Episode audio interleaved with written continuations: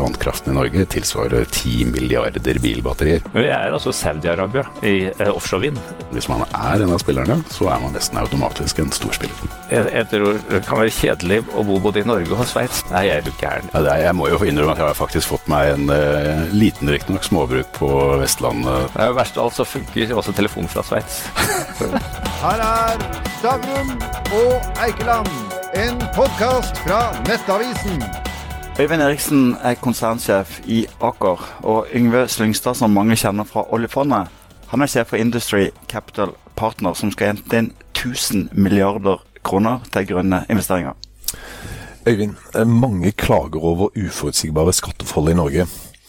Hvordan påvirker det Akers investeringsbeslutninger fremover? Så Aker har bygd industri med utgangspunkt i Norge i over 180 år, og um, har gjort det med stor suksess. Uh, mye takket være en samspill med våre myndigheter, og uh, mye takket være forutsigbare og i det store og hele gode rammevilkår, også skatt. Så har det vært uro um, de siste um, par årene rundt um, noen endringer. Uh, men uh, det endrer ikke Akers uh, langsiktige planer og vilje til å fortsette å bygge industri og arbeidsplasser i Norge. For vi har en veldig god tradisjon når det gjelder dialog mellom våre myndigheter og bedrifter. Det er en dialog som også inneholder åpenhet når en kanskje trår litt feil. Så um, også fremover så er jeg trygg på at rammevilkårene for uh, Akers virksomheter vil uh, gi oss det utgangspunktet som vi trenger for ikke bare å skape aktivitet og arbeidsplasser, men også å bygge nye løsninger og ny teknologi. Vi skal garantert tilbake til dette spørsmålet. Men Yngve, du, du, var jo sjef for oljefondet, der folk kjenner deg igjen. Og etter å ha vært sjef for et sånt svært fond, så kunne du garantert velge mellom jobber verden over. Og så ender, du her på Fornebu. Hvordan kunne det gå så galt? For meg så er det viktig å jobbe med ting som er viktige for det samfunnet som jeg bor i og lever i. Eh, og for en generasjon siden så var det for meg Kanskje alle ikke så det komme, men oljefondet som var den store tingen som kom. Jeg tror det er noe av det viktigste som vår generasjon fikk til. Men det vi begynner med i Aker nå, det er det viktigste som neste generasjon skal gjøre. Nemlig hvordan kan vi, som et lite land langt opp i nord, faktisk være en vesentlig bidragsyter og en spiller i det energiskiftet og ta vare på de klimautfordringene som vi har. Men, men, vi vanlige folk for oss er jo liksom en million og to litt penger, men du skal altså hente inn 1000 milliarder kroner. Du kan ikke begynt litt mer forsiktig, da? Nei, altså Poenget er jo at du skal ha påvirkning på dine omgivelser. Du skal ha påvirkning på verden. Eh, og skal du først eh, spille en rolle, så må du i denne sammenhengen være i stand til å ha nok midler, kapital, til forvaltning til at du kan være med på de store prosjektene som spiller en rolle, og som bringer forhåpentligvis verden fremover. Hva, hva typisk koster et sånt uh, prosjekt som du, du kommer til å se på? Det som har skjedd, er at mange av disse prosjektene nå blir så enormt store. Eh, så selv for norske industriaktører, som de største, som Aker, Equinor osv., så, videre, så er det jo veldig store prosjekter. Og mange av eh, de som har å gjøre noe med nye energiformer, som eh, havvind, der er prosjektene ofte størrelsesorden 50 til 100 milliarder, de største som kommer nå. Så det blir veldig store prosjekter, og da må det, den private kapitalen samle sammen i store fond for å kunne være med på den skalaen så er det ikke sikkert at man blir en av spillerne. Men hvis man er en av spillerne, så er man nesten automatisk en storspiller. Yngve han eh, sier til meg at en av fordelene var ledet i 13 år verdens største investor, det er at den blir vant til store tall. og I eh, Yngves tilfelle så er det så store tall at selv vi i Aker får litt høydeskrekk. det er ikke mulig. vent, vent og se. Men vi skal i hvert fall gjøre det vi kan for å hjelpe Yngve til å komme nærmest mulig. Men uh, Yngve illustrerte ambisjonen ved å si uh, en anledning at det er ikke mer enn rett, Yngve, ti Doggerbank og verden trenger atskillig mer enn ti Doggerbank for å både sikre energi og få renere energi i årene fremover. Du var jo ekstremt diplomatisk i det første spørsmålet, så var litt provoserende. Du er jo ikke kjent nødvendigvis alltid for å være så diplomatisk, men altså når du våkner hver dag til en ny skatt, det er grunnrente på, på, på vind, det, det, er plutselig endringer av formuesskattendringer, verdsettelser og sånt. Eh, det må jo påvirke dere, for dere skal jo gjøre investeringer som kanskje skal vare noen titalls år framover i tid. Ja, det påvirker jo um, uh, business cases på godt norsk. Um, og uh, følgelig um, hva den kan og bør investere i, og hvor den bør investere. Og Aker er en global virksomhet, uh, men Aker har investert mer i Norge enn noe annet sted til nå, og ønsker å fortsette med det. Så for oss er skatt en kostnad i, i beslutningsgrunnlaget. Og skatt er en viktig diskusjon, men en mye eh, viktigere diskusjon er hvordan en legger til rette for økt aktivitet og investeringer i Norge. Både fra utlendinger og fra um, en, en norske eiermiljøer. Og I det store bildet så um, bør den uh, diskusjonen ta utgangspunkt i fakta, som er at utlendingers direkte investeringer i Norge har de siste årene uh, falt betydelig. Og det gjelder selv om en ser bort fra at de internasjonale oljeselskapene har forsvunnet stort sett fra norsk sokkel. Eh, og når det forsterkes med at eh, deler av de norske eiermiljøene velger å endre bosted, så har det konsekvenser for aktivitet og investeringer. Og det er den diskusjonen hvor skatt inngår som ett eh, viktig element, men ikke alene. Det er den diskusjonen som både våre myndigheter og vi som eh, bedriftsledere eh, bør engasjere oss i, i framover. For der er det behov for å endre kurs. Men det, jeg har bare lyst til å følge opp det. Dette er jo sånn, et, et, et, et, element av diskusjonen som har vært lite framme. Det, sånn, det har vært mye fokus på hver enkelt norske rike person som drar til Sveits. Men for Akers del så er jo sånn Hvis Kjell Inge Røkke skulle betale skatteregninger i Norge, så måtte dere ha betalt ganske store utbytter, ikke bare til han, men til alle aksjonærene i Aker-systemet. Sånn at det ville jo tappe Aker for mye penger, så det måtte nesten ha tvangsflytta han til Sveits hvis ikke han har flytta frivillig. Aker er opptatt av å um, betale et um, attraktivt, men også forutsigbart utbytte til våre aksjonærer. Og Det gjelder Røkke så vel som hans medaksjonærer i Aker ASA. Men samtidig så er det hele tiden for vårt styre et balansepunkt mellom hvor mye deler vi ut, og hvor mye investerer vi i vår langsiktige utvikling. Og Det var et av flere elementer i den personlige beslutningen som tross alt er å endre bosted. Så det er riktig at over tid så ville um, skatteregningen um, foranlediget et um, høyere utbytte enn det som uh, vi vurderte som for å være i Akers langsiktige industrielle interesse. Og Det regnet dere på? Dere... Selvfølgelig. Og det var snakk om 3 milliarder kroner i år, var det ikke det? Jo, i Aker så planlegger vi for suksess, og da sier det seg selv at den skatteregningen hadde blitt ganske høy. Ja, ja herlig. Men du, Røkke, han er jo klar tale. Uh, og Han gikk jo i strupen på regjeringen Stoltenberg for uh, ca. ti år siden. Uh, han mente at Stoltenberg og regjeringa forholdt seg til, til, følelser, ikke fakta. og Da lurer jeg på det vi nå ser med Støre-regjeringa, og det de gjør med grunnrenteskatt uh, bl.a. På, på vindkraft. er det noe av det samme vi ser nå? Jeg vet ikke. Eh, men jeg, jeg, Må du svare som Røkke. Som jeg kjenner også våre folkevalgte ledere, så har de de riktige intensjonene og ønskene om å, å bygge en, en, en, norsk industri. Eh, men jeg tror det mangler noe i dialogen mellom våre myndigheter og, og bedriftsledere og bedriftseiere, som gjør at av og til så kan man spørre seg om en fullt ut har forstått konsekvensene konsekvensen av de forslagene som uh, kommer. Og så er det jo bra da, at um, forslag, det er forslag og ikke endelige beslutninger. Så får en um, håpe og tro at uh, tilbakemeldingene i um, disse høringsrundene fører til at det blir justert inn, sånn at den balanserer uh, hensyn til fellesskapet, som vi alle er opptatt av, men også gir mulighet til å bygge, i, i ditt eksempel, gode lakseoppdrettsvirksomheter framover. Det er viktig for Aker. for Sammen med SalMar så har vi jo eh, et veldig spennende initiativ for å flytte eh, havbruk eh, til havs. Flytte de fra fjordene og ut i Golfstrømmen. Det krever store investeringer. Det er svære industrianlegg som skal bygges i, Golfstrømmen. Og da må vi som et minimum ha klarhet i skattesystemet. Og så får skattesystemet bli ett av flere elementer i investeringsbeslutningen. Jeg må bare stille spørsmål rundt finansminister Vedum. Han uttalte nylig at han mente det var kjedelig å bo i Sveits. Og at han håpet at rikingene snart flytter tilbake. Hva sier det dere om vår finansminister? Vel,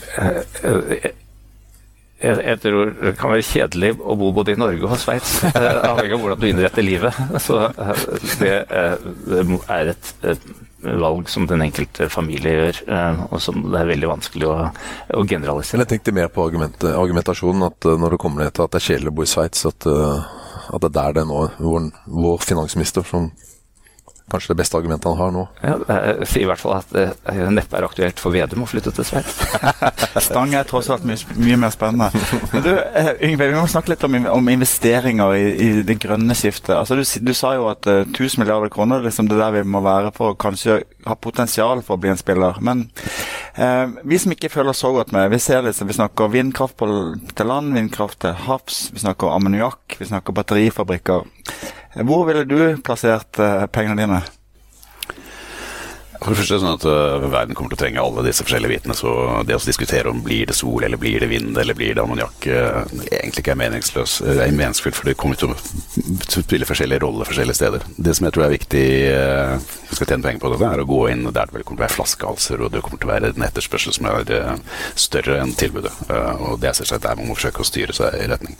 Jeg tror når det gjelder Norge helt spesifikt, så er det noen biter av dette store energiskiftet og klimautfordringen som vi har, hvor vi faktisk kan spille en vesentlig rolle. Ta ting som vi bygger i Norge, ta det ut i verden. Tjene penger på de riktige typer teknologiene på den eh, beste mulige måten for norsk industri og næringsliv. Men Skal dere eie infrastrukturen, eller skal dere også eie driftsselskapene til, eh, til infrastrukturen? Eh, du må eie på sikt, tror jeg, begge deler. Um, så det er noen ting som vi åpenbart i Norge har store forutsetninger for å gjøre det bra på. Som vi kommer til å gjøre det bra på. Og det mest åpenbare for meg er jo at vi er jo et land som de siste tusenårene har egentlig hatt veldig mye av vår næring rettet mot havet. Vi er på sett og vis kystfolket som hele tiden bygger opp industri i forbindelse med hav. Om det er eh, da fiske, eller om det er uh, shipping, eller om det er den delen av olje som er offshorenæringen, eller nå laks osv. Så er det der hele tiden. Den delen av energiskiftet som kommer til å ha noe å gjøre med hvordan vi konstruerer ting ute i havene, flytende og fast uh, vind ute i sjøen, men ikke minst undervannskabling. Sannsynligvis også karbonlagring kommer til å være store forretningsområder som vi i lille Norge kan tjene betydelig penger på med å ta teknologi ut i verden. Men da må jeg spørre noe som virker ganske uforståelig. Altså, norsk vannkraft jo, har jo enorme magasiner som gjør at vi kan produsere kraften når vi trenger den.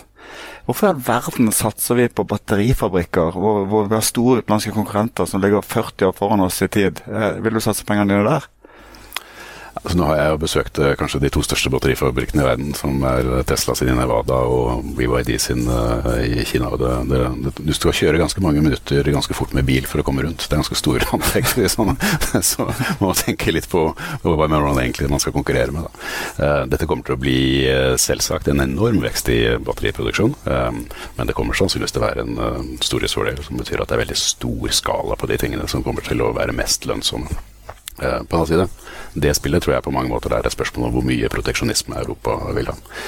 Så eh, det store for Norge er jo at vi har faktisk en mulighet til å spille en annen rolle på det største batteriet som finnes, nemlig vannkraften vår. Det er et ordentlig stort batteri. Vannkraften i Norge tilsvarer 10 milliarder bilbatterier. 10 milliarder bilbatterier? 10 milliarder, og Det er 1,4 milliarder biler i verden. Så det er altså syv ganger så mye kraft som om alle bilene var plugget til og kunne kobles til nettet. Så tenk deg hva den vannkraften er. Det vi sitter på batteriet for Europa. Så hvis vi greier å spille det sammen med annen type kraft, som havvind og tilsvarende, så kan vi faktisk ha en veldig interessant eh, forretningsmodell for Norge også fremover. Hvilke råd har du til politikerne som sitter og hører på dette? Hva, hva skal de gjøre nå for å tilrettelegge for at uh, private næringsliv skal komme inn og å få til den satsingen? Ja, da tror jeg vi tar sånn ukespodkast. ja, men det er jo interessant. Ja. Jo, men altså, jeg, selvsagt er det det. Jeg, jeg, tror det er en uh, mulighet for, uh, for, norsk næringsliv her som er mye større enn det vi, det vi har sett. Um, det, det, er veldig fort at man legger veldig mye av dette ansvaret på politikerne. og det er klart, i, en, i demokrati, Demokratiet fungerer på den måten, og jeg har veldig, fått veldig respekt for politikere etter å ha vært oljefondsjef i 13 år. Så hva sa du? Har du respekt for politikere? Ja, fordi at de, de, har en, de, har en, veldig vanskelig jobb, og det hele demokratiet er jo å få motstridende interesser til å komme sammen og få en dialog rundt det som nesten aldri blir satt opp i et fora hvor det er lett å få til en god dialog. Så spørsmålet for meg er mer hvordan, for å svare på spørsmålet ditt, hvordan skal vi lage en god dialog rundt dette? Hvor man faktisk setter seg ned, industrien, de som kommer fra finansnæringen sånn som meg, og de som uh, da er politikere, og få den trekanten der til å fungere på en god måte. Hvordan skal vi lage de diskusjonsforene hvor vi kan ta mer enn noen få store overskrifter i avisene på et og annet synspunkt? Men Yngve, uh, det enkle rådet på norske politikere er å følge med på det som skjer i verden. Og, og um, da bør vi tenke stort, se mulighetene og um, definere felles ambisjoner nå. Og det har allerede skjedd i USA med Inflation Reduction Act, som har skapt allerede betydelig aktivitet, innovasjon, prosjekter, investeringer. Du ser selv norske selskaper kommuniserer åpent at de ser det som en inspirasjonskilde til å investere og bygge virksomheter der. I noen tilfeller flytte virksomheter fra Europa til USA. Europa prøver å møte den konkurransen med sin versjon av insentiver. Og vi har for lite dialog om Norges rolle i det. Vannkraft er et utgangspunkt, men vi er altså Saudi-Arabia i eh, offshore vind, hvis vi vil. Og eh, vi har så vidt eh, begynt å definere opp muligheten, men den er enorm. Men da må man være villig til å se Norge som en veldig viktig del av energiproblemet i Europa, og ikke tenke for smått og for kort sikt. Men uh, det du viser til her, det er jo IRA, som er da en gunstig skatteordning i, USA for, eh, for, grønne investeringer, kort fortalt. I Norge så innfører vi grunnrenteskatt på bl.a. vindkraft. Altså, Hva sier det deg om norske politikere kontra USA? Nei, det er bare nok et eksempel på at uh, må uh, ta den eller bør ta den tilnærmingen som jeg nettopp nevnte. Altså, hva er muligheten? Hvordan kan vi skape et nytt industrieventyr i Norge som tiltrekker seg utenlandske bedrifter, utenlandsk kapital, på et helt annet vis enn det som har vært trenden de siste årene. For trenden går feil vei norske krona svekkes. Eh, Oslo Børs drives av oljepris. og vi har her og nå en mulighet til å gjøre et kvantesprang inn i nye grønne industrier. Eh, men da må vi slutte å snakke og eh, komme rundt samme bord og definere opp noen felles ambisjoner og handle. Jeg vil litt, litt, til Akers eh, DNA og kultur. på en måte. Du, du kom jo hit fra var forretningsadvokat i bar i sin tid. Og, måte, det er lenge siden. det. Ja, ingen så på deg den gang som en type industrialist, men nå, nå, er det jo på en måte urimelig å ikke se på deg som noe annet enn en industrialist. Men beskriv litt Akers eh, historiske rolle og potensial for betydningen til Aker de neste ti årene i det skiftet du er inne i. Ja, Svaret ligger jo i Akers mer enn 180 år historie. Eh, startet som et mekanisk verksted ved Akerselva i Oslo. Eh, ble etter noen få år eh, skipsverft i Pipevika, i dag bedre kjent som Aker Brygge. Eh, skipsbygging, springbrettet inn i eh, oil service, eh, deretter inn i leting og produksjon av, olje og gass. og det har vært utgangspunktet for knoppskyting både inn i grønne industrier, havvind, fangst og lagring av CO2, men også inn i våre softwarevirksomheter, hvor Cognite allerede med drahjelp fra det industrielle Aker har etablert seg som et viktig selskap for industrien. Og Uh, Framover så legger vi til uh, den porteføljen um, kapitalforvaltning ledet av Yngve. Hvorfor det? Jo, fordi denne utviklingen og omstillingen vil kreve enormt med kapital. Langt utover det et et selskap som Aker, eller for den saks skyld de fleste andre selskaper, kan reise uten at det innebærer fundamentale endringer i styringen av selskapet. Og da må vi samarbeide med de største investorene i verden som kan akseptere noe lavere avkastning på sin kapital, eh, forutsatt at det er langsiktig sikre kontantstrømmer. Og eh, Yngve er i ferd med å sette opp eh, virksomheter som nettopp tilrettelegger for det, slik at kapital og industri blir brakt sammen på en ny og langsiktig og kraftfull måte. Men du sa langsiktige kontantstrømmer. Med, de, med de, den uforutsigbarheten vi har nå i Norge i dag, med plutselig innføring av grunnrenteskatt, kom tilbake til den men plutselig å ha formuesskatten osv. Gjør ikke det det vanskelig for dere å, å, å, å investere stort i Norge? For det, det er jo snakk om store investeringer som må til.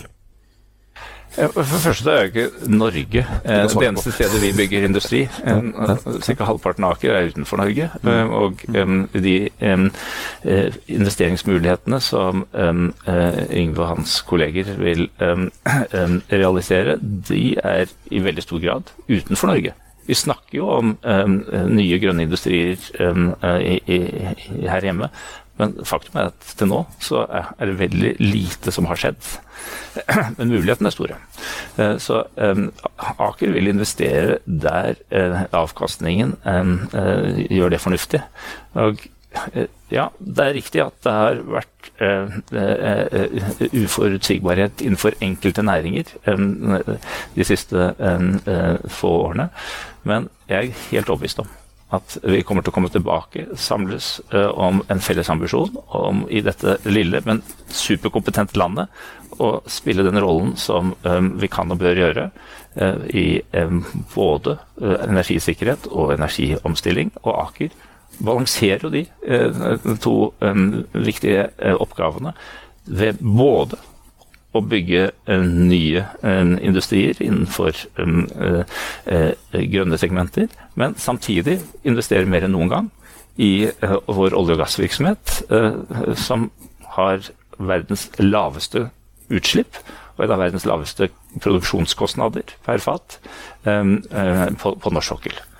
Så hvis en ønsker å være en del av eh, energimulighetene, så er Akers portefølje uh, det som balanserer dette på et veldig godt vis, og som også gir et springbrett inn i ikke bare nye industrisegmenter, men nye geografier. Legg litt glasur rundt det du sier, så, sier du, så, så drar du tilbake historien til 180 år. På en måte så er jo Akers historie Norges historie. Eh, altså maritim oljevirksomhet etter hvert. Og nå står vi foran et, eh, et, veldig klart skifte og en brytningstid. Beslutningen om å gå så tungt inn i eh, det grønne skiftet og nye energiformer, er det, er det fordi dere er veldig snille, eller er det fordi dere ser forretningsmuligheter der? Utelukkende det siste. Men, det er snille òg, da. Men, men, også fordi det er en, en videreutvikling av den kompetansen, den teknologien vi har. Eh, eh, det sies, jeg har ikke etterprøvd det selv, men det sies at ca. 40% av en, en havvindpark kan utvikles med den kompetansen og den teknologien som springer ut av olje og gass. Og, um, vi er også opptatt av, av, av, hva Aker skal være, ikke 5-10 år fremover i tid, men 30-50 år fram i tid. Og det er ingen tvil om at um, energiomstillingen um, kommer til å skje. Vi kan ha en diskusjon om hvor raskt det går. Vi kan ha en diskusjon om uh, det å bli net zero i 2050 er realistisk. Men for meg spiller det egentlig liten rolle hvilken dato en setter for det. Uh, aktiviteten uh, øker måned for måned. Og det er mer enn nok allerede av oppgaver til å bygge nye, spennende virksomheter. Så er det noen flaskehalser, som Inge har vært innom. Så er det noen utfordringer. Altså Lønnsomheten f.eks. innenfor havvind er gjennomgående um, uh, uh, så lav at du ser store aktører som har vært tidlig ute, trekker seg nå litt tilbake tror jeg ikke er første gang skjer i relativt umodne industrier. Og det vil foranledige nye måter å sette sammen eh, virksomhetene på. Kanskje må myndighetene inn og eh, bidra til langsiktig kjøp av strøm, slik at det blir et forutsigbart inntektsgrunnlag for investorer. Jeg tror hvert land, hver region, hvert prosjekt vil finne sin løsning. Men for oss er det tilstrekkelig at den aktiviteten, de initiativene, de er allerede tatt. Og vi ønsker å være en del av det. Og vi er invitert inn i det pga. Akers kompetanse og Akers nettverk.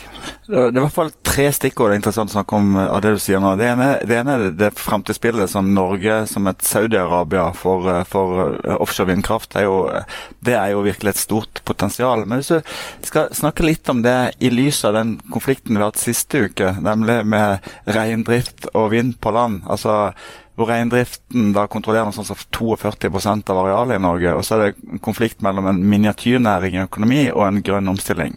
Du har noen av de samme, men i mindre grad, men du har litt samme konflikter til havs også. Det, tar vi inn over oss behovet og mulighetene eh, på disse nye områdene? Ja, Først og fremst er jo Fosen-saken nok en påminnelse om um, kompleksiteten og viktigheten av å avveie ulike hensyn og interesser. Um, og Det er jo én av flere grunner til at konsesjonsprosessene f.eks. For, for um, ny kraftutbygging er, så lang, for lang, hvis en skal lykkes med målene om utslippsreduksjoner.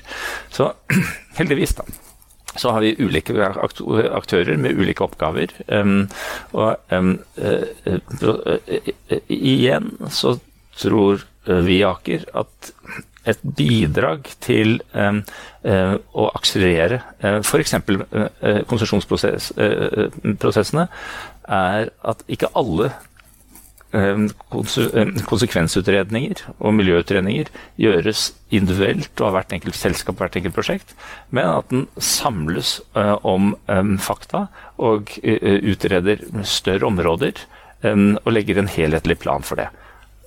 Vi ønsker å bidra til det.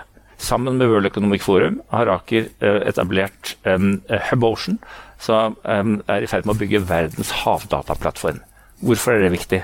Jo, det er viktig for de som ønsker å forstå havet, forske på løsninger i havet. Men det er også viktig at den har samme fakta og tallsett for um, å, å akselerere felles f.eks. konsekvensutredninger. Men alt dere gjør nå innenfor det grønne skiftet, det er for å forberede dere for å tjene penger om fem år, ti år.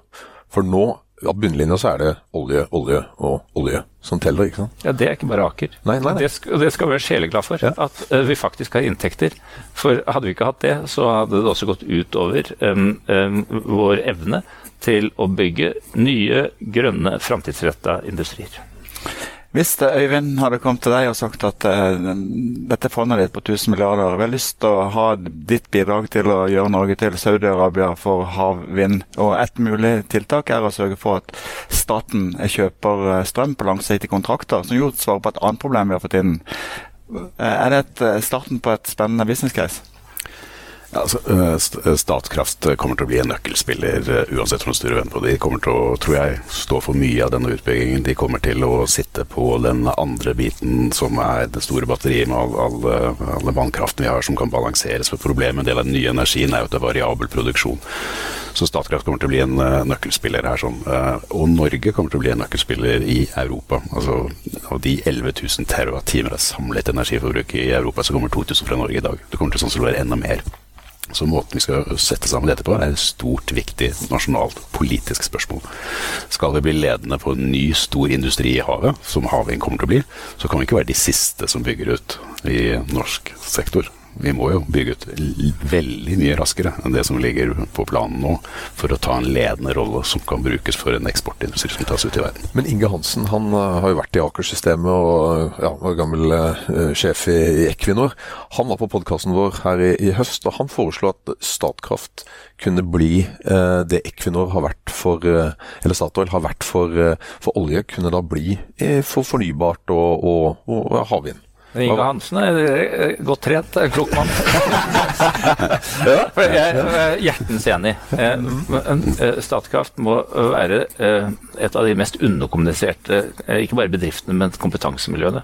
Det er Europas største og etter mitt skjønn mest veldrevne fornybarselskap. Så vi har en gyllen mulighet til å videreutvikle det, selskapet som ikke bare et, en, en, virksomhet som sånn, men som arkitekten i det vi nå snakker om. Til beste for alle oss andre som ønsker å være med på det.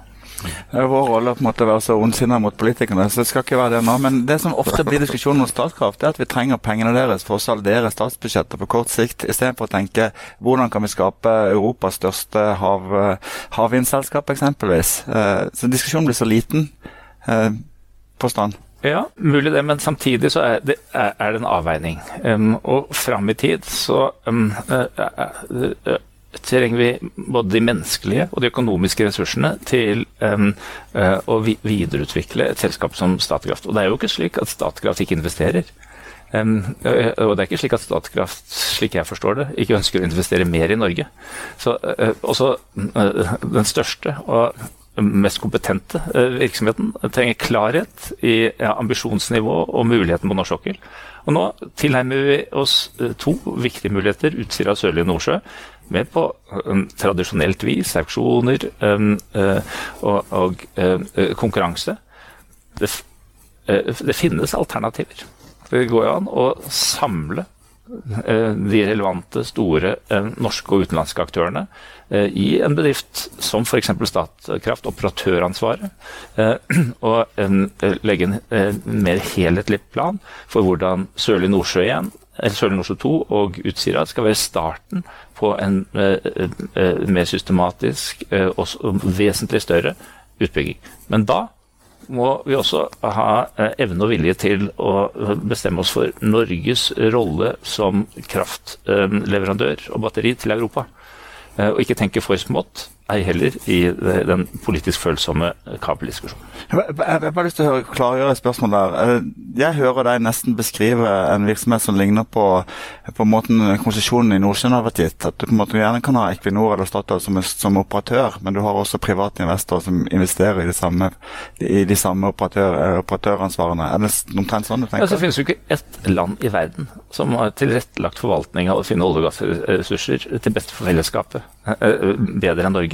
Ikke et land i verden som uh, har uh, evnet å gjøre det på et vis som har skapt um, utvikling av bedrifter som Aker.